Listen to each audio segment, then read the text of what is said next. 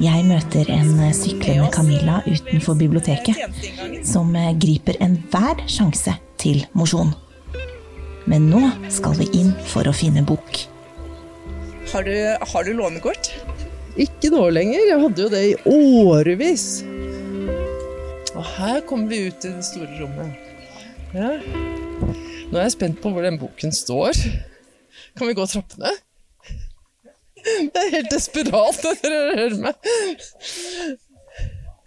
Det kan være det her et sted, for her er det i hvert fall Den boken har vært med på å skrive et kapittel, og der er det Og her er medisinens historie.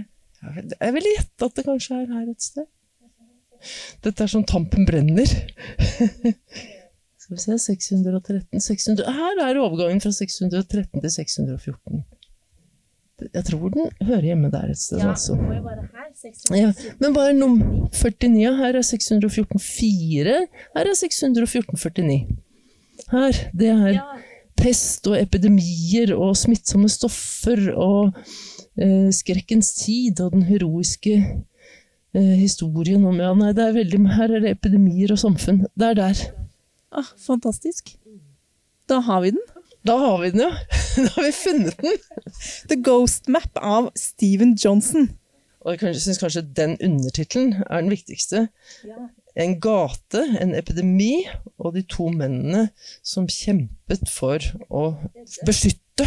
Eh, beskytte, eller ja, redde, er vel enda riktigere. Det viktorianske London.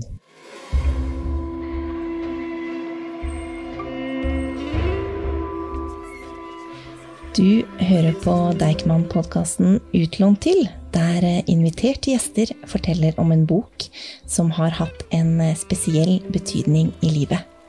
Jeg heter Marte Storbråten Ytterbø, og jeg jobber med program og formidling ved Deichman Bjørvika. Dagens gjest er Camilla Stoltenberg, direktør ved Folkehelseinstituttet og Norges travelste person om dagen. Camilla har også doktorgrad i eh, epidemiologi, og har alltid vært opptatt av smittsomme sykdommer.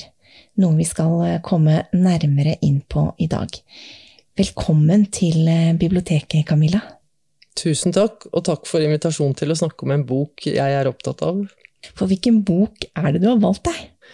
Jeg har valgt en bok som ikke finnes på norsk, som heter The Ghost Map altså spøkelseskartet. Og eh, det handler om kolerautbruddet i London i 1854, og sentrale personer i det utbruddet, og særlig om den engelske legen John Snow. Vi skal komme litt tilbake til John Snow, men først, jeg har bare veldig lyst til å høre hvordan du oppdaget den her. Jeg er ikke helt sikker, men i, ja, siden du spurte, så begynte jeg å tenke. Og da jeg skulle forberede meg til å komme hit, så leste jeg den ene norske anmeldelsen av boken som jeg fant, fra 2007. Og det er skrevet av den eh, alltid like kloke Magne Nylenda, som eh, har oppdaget denne boken og anmeldt den i Tidsskrift for Den norske legeforening. Og jeg vil tro at jeg har lest den anmeldelsen. Men da jeg leste denne om igjen, så tenkte jeg at dette er tilstrekkelig til at jeg ville ha kjøpt boken. Og sannheten var at jeg skaffet boken den gangen, jeg leste den den gangen, og jeg syns den fortalte så spennende om epidemiologi som jeg drev med. Og selv om jeg ikke har drevet først og fremst med smittsomme sykdommer tidligere, nå har jeg jo drevet bare med det i to år snart, nei, halvannet år, men eh, så, så er eh, metodene epidemiologien, tilnærmingen, den måten å utforske ting på, um, som John Snow etablerte, den har vært avgjørende for all epidemiologi, også studier av ikke-smittsomme sykdommer. Så, så for meg så var dette en bok som på en veldig spennende måte Nesten som en eh, Dickens-historie, nesten som eh, en eh, kriminalroman. Kunne fortelle folk hvorfor jeg syntes at dette var så spennende. Så jeg ga den til barna mine og til ganske mange andre. Og jeg vet ikke om alle de har lest den, men jeg vet at barna mine har lest den, og mannen min har lest den, og de syntes alle det var spennende, og de fikk et innblikk i mitt arbeid som de ikke hadde hatt før. Kan du fortelle litt mer hva den handler om? Ja, i eh, august 1854 startet et kolerautbrudd i London. Det første kjente kolerautbruddet i London det var noen år tidligere, i 1831. Eh, og dette var en sykdom som da særlig rammet steder der det var tett med folk, og fattigdom og vanskelig tilgang til vann. London hadde vært gjennom en kolossalt rask befolkningsvekst, og det var over to millioner mennesker som bodde der på det tidspunktet. De bodde trangt, det var stor fattigdom, og de hygieniske forholdene var fryktelige. Det må ha vært en stank uten sidestykke i London på det tidspunktet, særlig på varme dager. I slutten av august 1854 var det veldig varmt, og så fikk man da et tilfelle av kolera. Så det som særkjenner den sykdommen, det er at det er en tarminfeksjon som gir helt enorm diaré. Altså det er liksom som om kroppen bare tømmes for vann.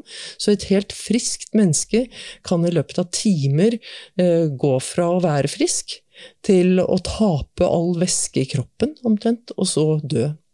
Eh, den utvikler seg veldig raskt, og den har høy dødelighet. Eh, Ca. halvparten av de som får det, dør hvis de ikke får behandling. Og eh, dødeligheten kan ha vært enda høyere den gangen. Så det er jo en svært dramatisk setting, det her. Ja, det er en skremmende eh, historie, og boken beskriver hvor uhyggelig det er, og eh, hvordan levekårene er. Og den følger en del mennesker, da særlig i bydelen Soho, eh, der det hele utspiller seg, egentlig. Eller der denne boken utspiller seg, i all hovedsak. I eh, fokus er John Snow. Og eh, John Snow var en veldig spesiell mann. Han kom fra enkle kår. Eh, det var ikke gitt at han skulle bli lege, men eh, han bestemte seg for det. Eh, han må ha forstått at han hadde spesielle talenter. Og han var spesiell på mange måter, både personlighetsmessig, men også på den måten at han hadde en veldig stringent og nøyaktig tilnærming til alt han gjorde, og hadde også en fordomsfrihet, eh, som er beskrevet i boken, som sikkert var uvanlig for den tiden. Eh, den eh, beskrivelsen av ham kan jeg godt lese, ja, hvis du vil det. Gjerne. Skal vi se om jeg finner den her. Det blir på engelsk, da. Ja. John Snow was in his 42nd year. and since his early 30s, he had by any measure enjoyed a remarkable streak of professional achievement. Unlike most members of the medical establishment or the sanitary reform movement, Snow had been born into a family of modest means. Han var altså av arbeiderklasseopprinnelse. A quiet, serious child with intellectual ambitions beyond his humble origins. Snow had apprenticed at the age of 14 to a surgeon in Newcastle on Tyne, and at the age of 17 he read John Frank Newton's influential 1811 manifesto, The Return to Nature, a Defense of the Vegetable Regimen, and promptly converted to vegetarianism. Han ble altså vegetarianer da han var 17, og derfor ble han resten av livet. Shortly thereafter he became a strict teetotaler, altså avholdsmann. He would largely avoid meat and alcohol for the rest of his adult life. As an apprentice in Newcastle, Snow saw the ravages of cholera firsthand when the disease struck in late 1831. He treated the survivors of a particularly brutal outbreak in a local mine. The young Snow observed that the sanitary conditions in the mine were dreadful with workers granted no separate quarters to relieve themselves, thus forcing them to eat and defecate in the same dark, stifling caverns. The idea that the cholera outbreak was rooted in the social conditions of these impoverished workers and not in any innate susceptibility to the disease lodged in the back of Snow's mind as the cholera ran its course a young Englishman interested in the medical life during the first half of the 19th century had three primary career paths open to him. He could apprentice with an apothecary and then eventually land a license from the Society of Apothecaries. Han kunne bli apoteker også. The more ambitious individual would go on to study at a medical school and later join the Royal College of Surgeons of England, becoming a bona fide general practitioner and surgeon, performing a host of different tasks.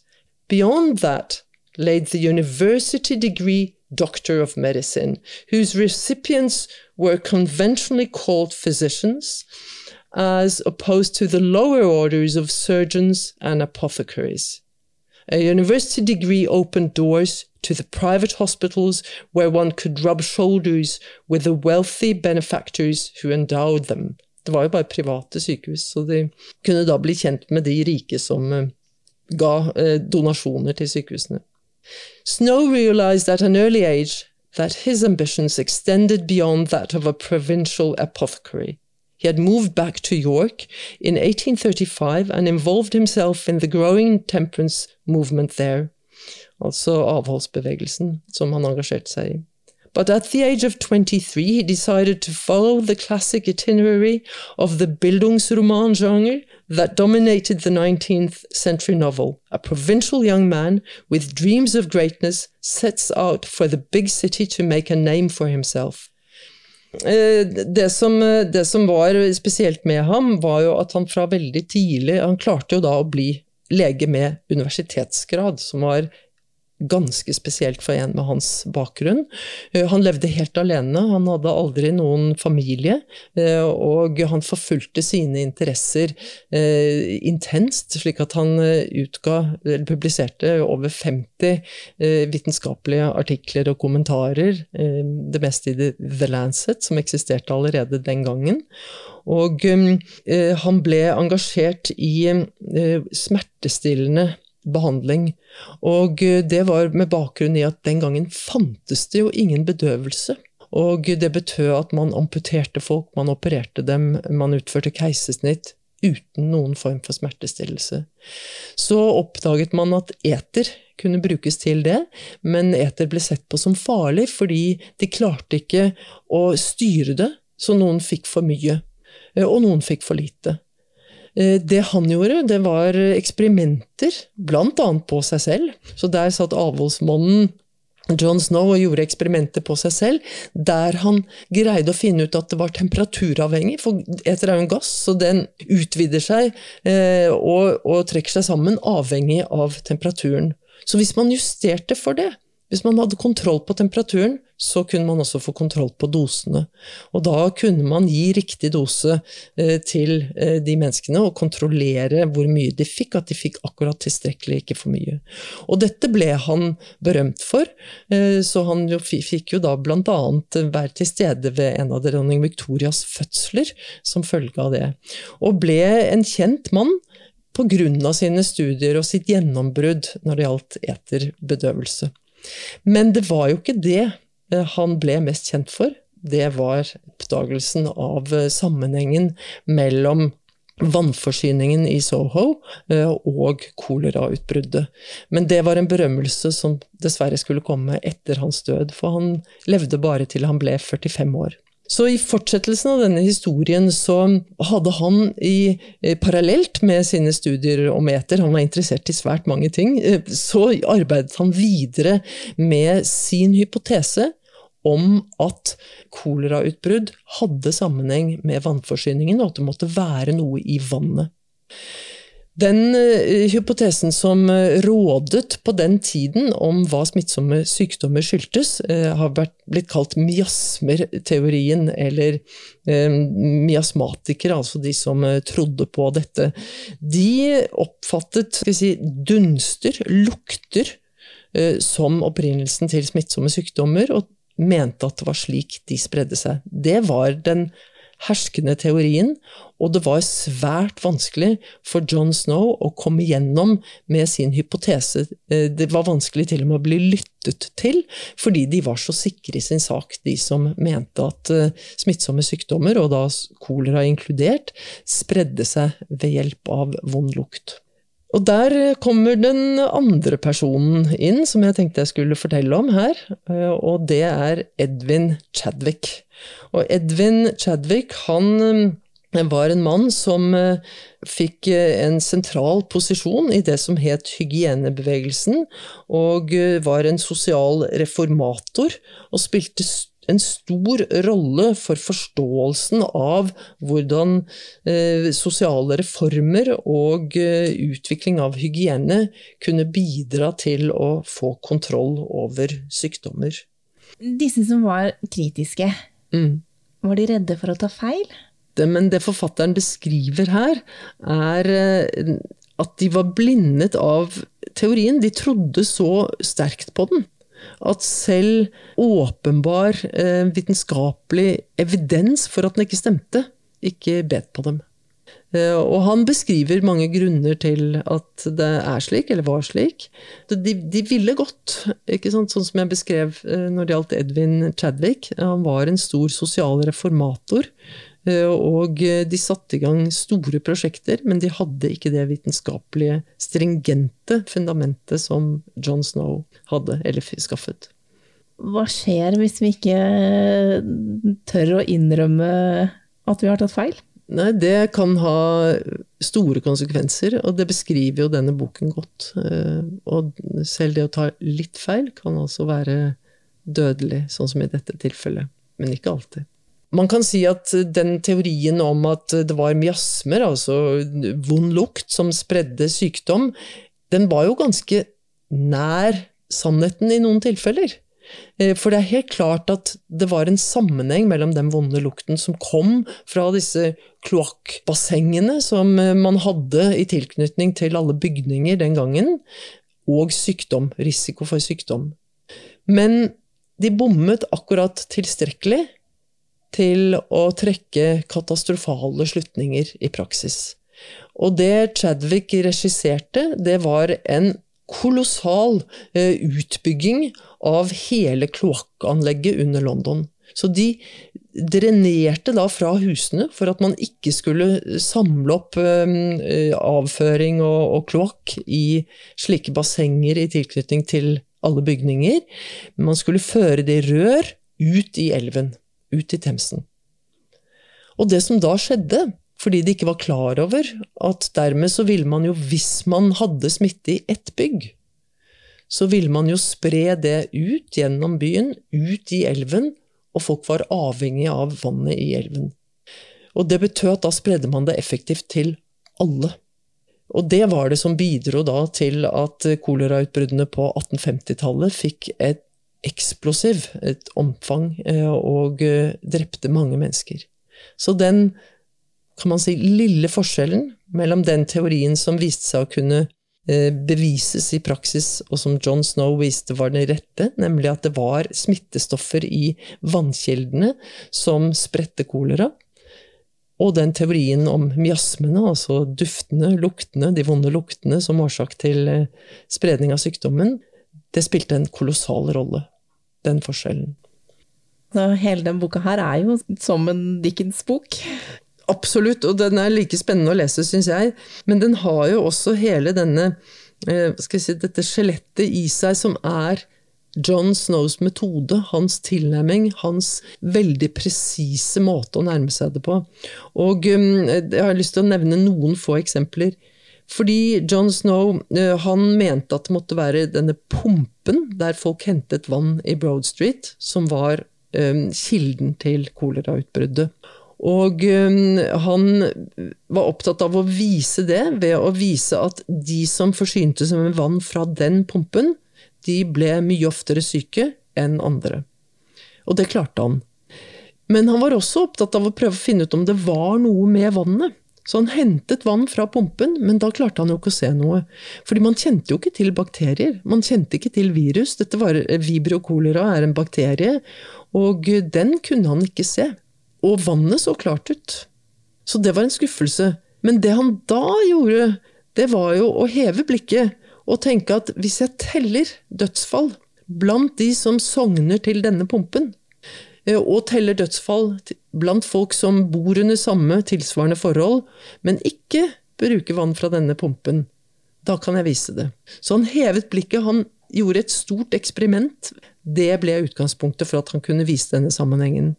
Men så spurte de som var kritiske, og de fortsatte faktisk å være kritiske etter at han hadde vist dette, men du må, du må også ha liksom, den helt spesifikke, det tilfellet der eh, noen andre har hentet vann derfra. og da fant, eller altså egentlig, Du må liksom vise det i et spesifikt tilfelle, at det er en sammenheng, ikke bare en sammenheng på et geografisk nivå. Og da fant han fram til en som hadde tatt med seg vann fra denne pumpen til et familiemedlem som bodde et helt annet sted i byen, høyere oppe, som de trodde var sunnere. Men hun, den damen som hadde fått vann fra denne pumpen, hun fikk kolera og døde av det. Og hun eh, var jo da alene blant de hun bodde sammen med, og hun tilhørte også en helt annen eh, si, gruppe i London.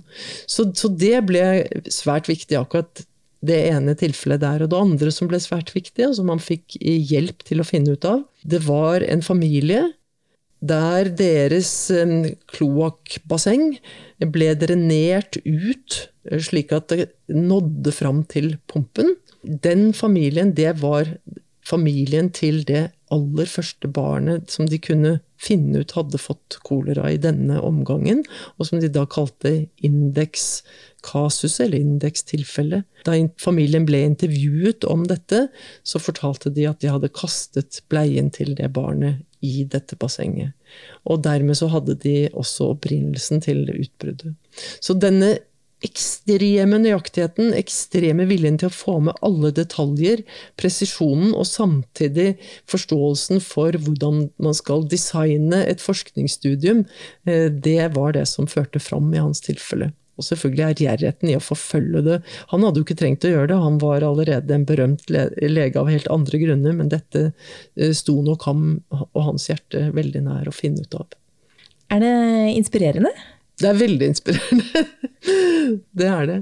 Og det er jo ikke eh, tilfeldig, eh, kanskje, at du har valgt deg denne boken å trekke fram akkurat nå, midt under korona. Nei, det er ikke tilfeldig. fordi det var helt åpenbart for meg at hvis jeg skulle mm, svare ja til denne invitasjonen, så måtte det jeg skulle snakke om, henge sammen med eh, utbrudd av smittsomme sykdommer. Så jeg må tilstå at de bøkene jeg vurderte, de handlet da enten om de første kjente eh, utbruddene av ebola i Afrika, eh, og hvordan man oppdaget det viruset.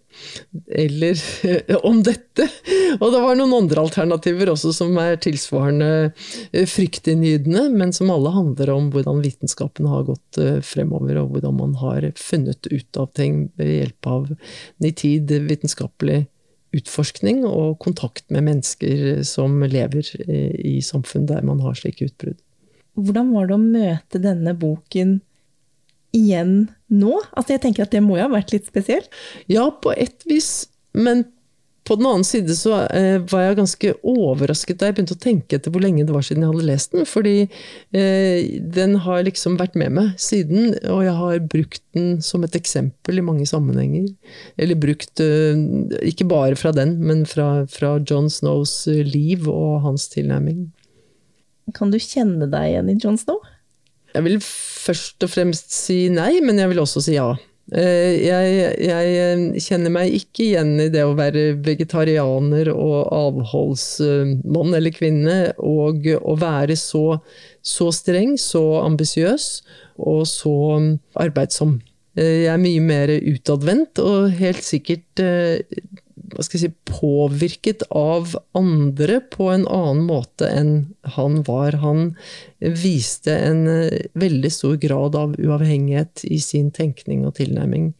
Eh, det liker jeg også å ha, men eh, det er nok et utgangspunkt som lå i hans personlighet, som gjorde at det falt ham naturlig. Eh, som eh, jeg beundrer, og som ikke er like eh, hva skal jeg si, umiddelbart for meg. Men jeg kjenner meg igjen i å like litt særegne ideer, og forfølge dem. Og, og forsøke å formidle dem til omverdenen, og prøve å få omverdenen til å forstå hvorfor jeg tror på dem, og at vi må utforske det. Har du noen gang følt deg altså, misforstått? Ja, men, eh, men, eh, ikke sånn fullstendig. Eh, men det er klart, jeg har jobbet med en del ting som har vært krevende å formidle, og for så vidt fortsatt er det. F.eks. det å peke på hvorfor det er viktig å se på kjønnsforskjeller i skolen, og hvordan det kan henge sammen med levekårene og livsutsiktene for menn. I løpet av de årene jeg har vært opptatt av det, så opplever jeg at det er flere som har blitt interessert i det, og at det ikke blir sett på som så sært lenger.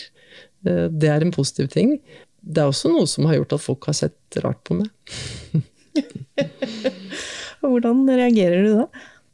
Nei, det er jeg opptatt av å for det første lete etter hvordan jeg kan formidle hypotesene mine om, om hva som kan være årsakene til eh, kjønnsforskjellen i skoleprestasjoner. Det har jo handlet at jeg tror det er ganske sannsynlig at gjennomsnittlige forskjeller i barns utvikling, som på gruppenivå så betyr det at gutter f.eks. lærer å lese litt senere enn jenter, kan spille en rolle for dette. Og det forfølger vi også vitenskapelig. Og så har jeg forsøkt måte, å, hele tiden jobbe med både det vitenskapelige grunnlaget for dette, og finne ut om det stemmer eller ikke, og, og prøve å se veldig åpent på det, og fordomsfritt på det. Og også med å forklare folk hvorfor jeg mener det er viktig å finne årsakene, og hvorfor jeg tror dette kan være en årsak, eller er en sannsynlig årsak. Så, så nei, jeg, jeg, gir meg ikke. men, eh, men, det gjelder å få folk med seg, og ikke mot seg. Men, men å ikke si at du kjenner deg igjen å være ambisiøs, det er jo vanskelig å tro på. Nei, jeg kjenner meg igjen i å være ambisiøs også, men, men, ikke på den uh, umiddelbart målrettede måten som han må ha vært det på. Fordi det spranget hans, det er så stort. Og for meg er det mer sånn at jeg har ikke vært så ambisiøs, og så har jeg bare blitt det etter hvert. Fordi det er spennende og engasjerende, og det er, en, det er, muligheter for å gjøre ting. I hans tilfelle så tenker jeg at han må ha hatt en form for målrettethet veldig tidlig i livet, som, eh, som har vært eh, helt eh, spesiell.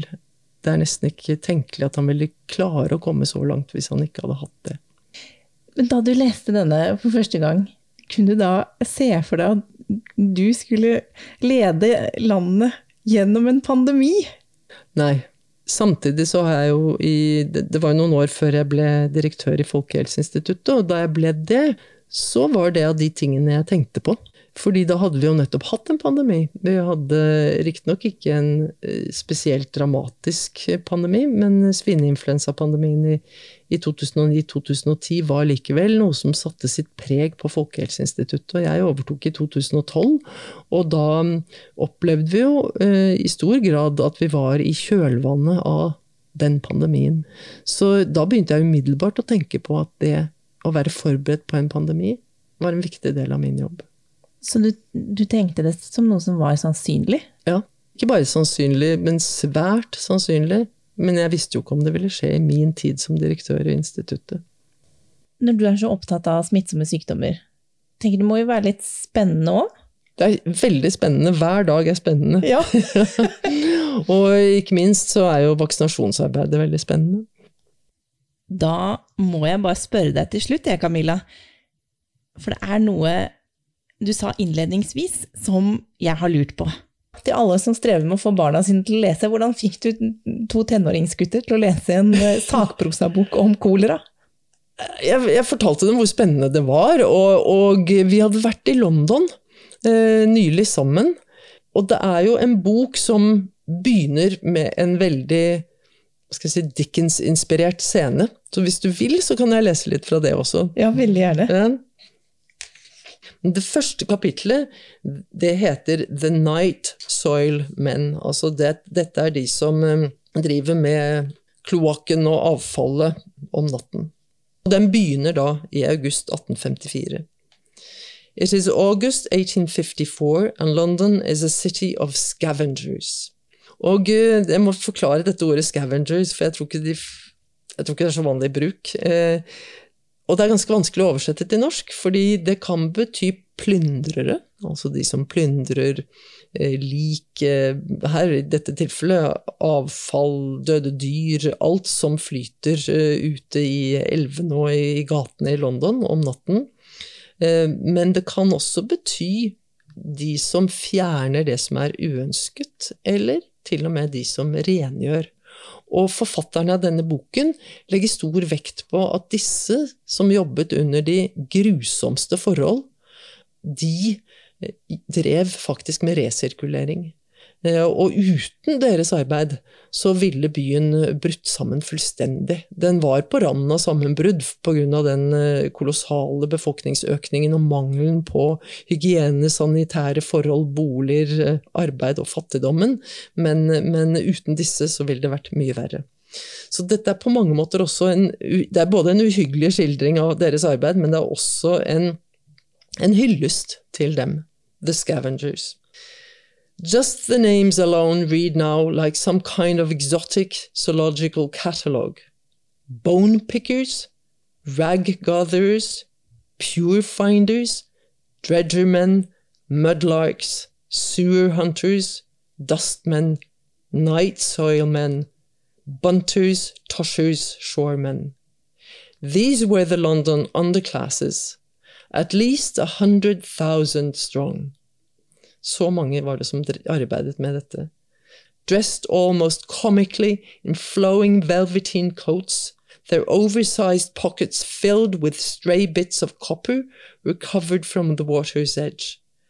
The toshers walked with a lantern strapped to their chest to help them see in the pre dawn gloom, and carried an eight foot long pole that they used to test the ground in front of them and to pull themselves out when they stumbled into quagmire. The pole and the eerie glow of the lantern through the robes gave them the look of ragged wizards, scouring the foul river's edge for magic coins. Beside them fluttered the mudlarks, often children, dressed in tatters and content to scavenge all the waste that the toshers rejected as below their standards lumps of coal, old wood, scraps of rope. Above the river, in the streets of the city, the pure finders eked out a living by collecting dog shit, colloquially called pure, while the bone pickers foraged the carcasses of any stripe. Below ground, in the cramped but growing networks of tunnels beneath London's streets, the sewer hunters slogged through the flowing waste of the metropolis. Every few months, an unusually dense pocket of methane gas would be ignited by one of their kerosene lamps, and the hapless soul would be incinerated 20 feet below ground, ground in a river of raw sewage. The scavengers, in other words, lived in a world of excrement and death. Dickens began his last great novel, Our Mutual Friend, with a father daughter team of toshers stumbling across a corpse floating in the Thames, whose coins they solemnly pocket. What world does a dead man belong to? the father asks rhetorically when chided by a fellow tosher for stealing from a corpse. T'other world. What world does money belong to? This world. Dickens' unspoken point is that the two worlds, the dead and the living, have begun to coexist in these mar marginal spaces. The bustling commerce of the great city has conjured up its opposite, a ghost class that somehow mimics the status markers and value calculations of the material world. Tusen takk for å ha satt oss tilbake til London i 1854. ganske stemningsfull og, og rå beskrivelse. Vi avslutter med denne hyllesten til The Scavengers, eller de som rydder opp eller resirkulerer. Tusen takk, eh, Camilla, for samtalen. Takk skal du ha. Og takk for at du kom til biblioteket. Tusen takk til deg som har lyttet til Deichman-podkasten Utlånt til. Og boka vi har snakket om, The Ghost Map av Steven Johnson, den kan du låne her på biblioteket.